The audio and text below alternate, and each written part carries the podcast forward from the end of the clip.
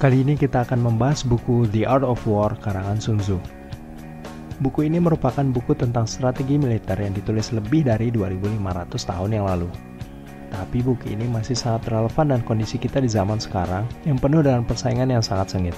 Baik itu dalam persaingan usaha, bisnis yang sedang kita jalankan, dalam perjalanan karir, atau dalam menjalin relasi dengan orang lain, which is basically be everyone. Ide besar yang pertama adalah kenali musuhmu dan kenali dirimu, maka dalam 100 pertempuran kamu tidak akan pernah dalam bahaya.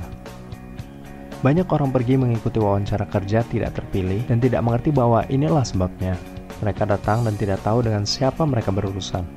Apabila Anda mengikuti interview kerja, seharusnya Anda menghabiskan beberapa minggu sebelumnya untuk mempelajari segala hal yang perlu diketahui tentang perusahaan tersebut. Apakah Anda tahu betapa mengagumkannya bila Anda datang ke sana dan menjawab pertanyaan interview dengan jawaban seperti Baik Pak, kita adalah perusahaan multinasional dan merupakan market leader untuk pasar minuman soda dengan market share berkisar 54%. Dan CEO telah mengumumkan dua minggu yang lalu bahwa kita akan mencapai 60% di akhir tahun depan. Dan dengan mempekerjakan saya, berikut adalah hal yang bisa saya lakukan untuk membantu perusahaan mencapai target tersebut. Jadi siapa yang tidak mau karyawan seperti itu? Kebanyakan kandidat akan menjawab seperti, hmm, kalau nggak salah perusahaan ini jual soda kan ya pak? ya ini masalahnya. Mereka tidak tahu berurusan dengan siapa, mereka bahkan juga tidak tahu dengan diri mereka sendiri. Apabila ditanya, kenapa kami harus memilih Anda?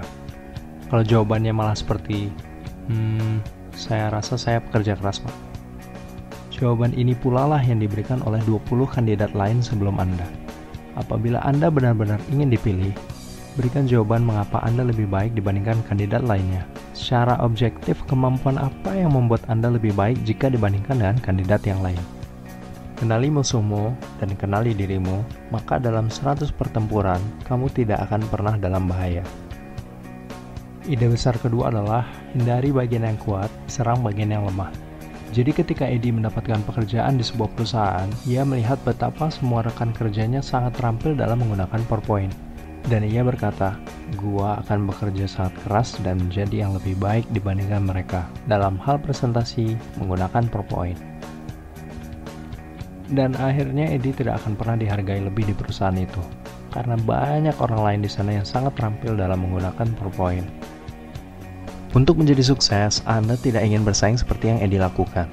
Tapi jadilah Edi yang dicari semua orang yang membutuhkan dalam hal menggunakan makro Excel misalnya. Karena hanya ialah satu-satunya orang di sana yang tahu segala hal yang berkaitan dengan makro Excel. Sama halnya dalam berbisnis. Jangan heran bahwa tingkat kegagalan dalam bisnis sangat tinggi ketika masuk dalam persaingan yang ketat tanpa ada nilai lebih yang bisa ditawarkan atau hal yang membedakan bisnis kita dibanding bisnis yang lainnya.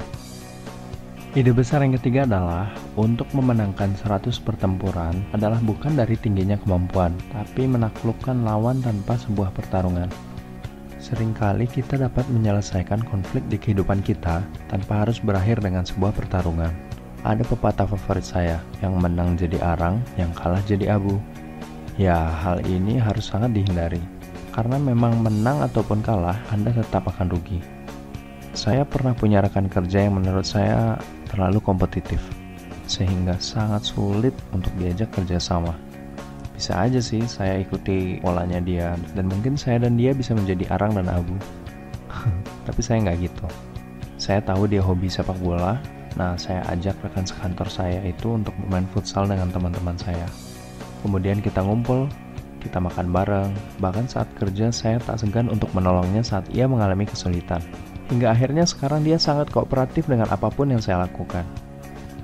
Yang saya ingin Anda garis bawahi adalah kita bisa memenangkan suatu pertempuran tanpa harus benar-benar bertarung. Karena dengan bertarung itu beban yang Anda tanggung sangat besar, seperti biaya, waktu yang terbuang, kenyamanan Anda di lingkungan tersebut, peluang-peluang Anda kelak, dan lain sebagainya. Saya yakin Anda lebih pintar dibanding lawan Anda. Jadi jangan bergantung pada emosi seperti amarah ataupun gengsi dalam menentukan apakah Anda memutuskan untuk melawan atau tidak. Jadi tiga ide besarnya adalah kenali musuhmu dan kenali dirimu, maka dalam 100 pertempuran kamu tidak akan pernah dalam bahaya.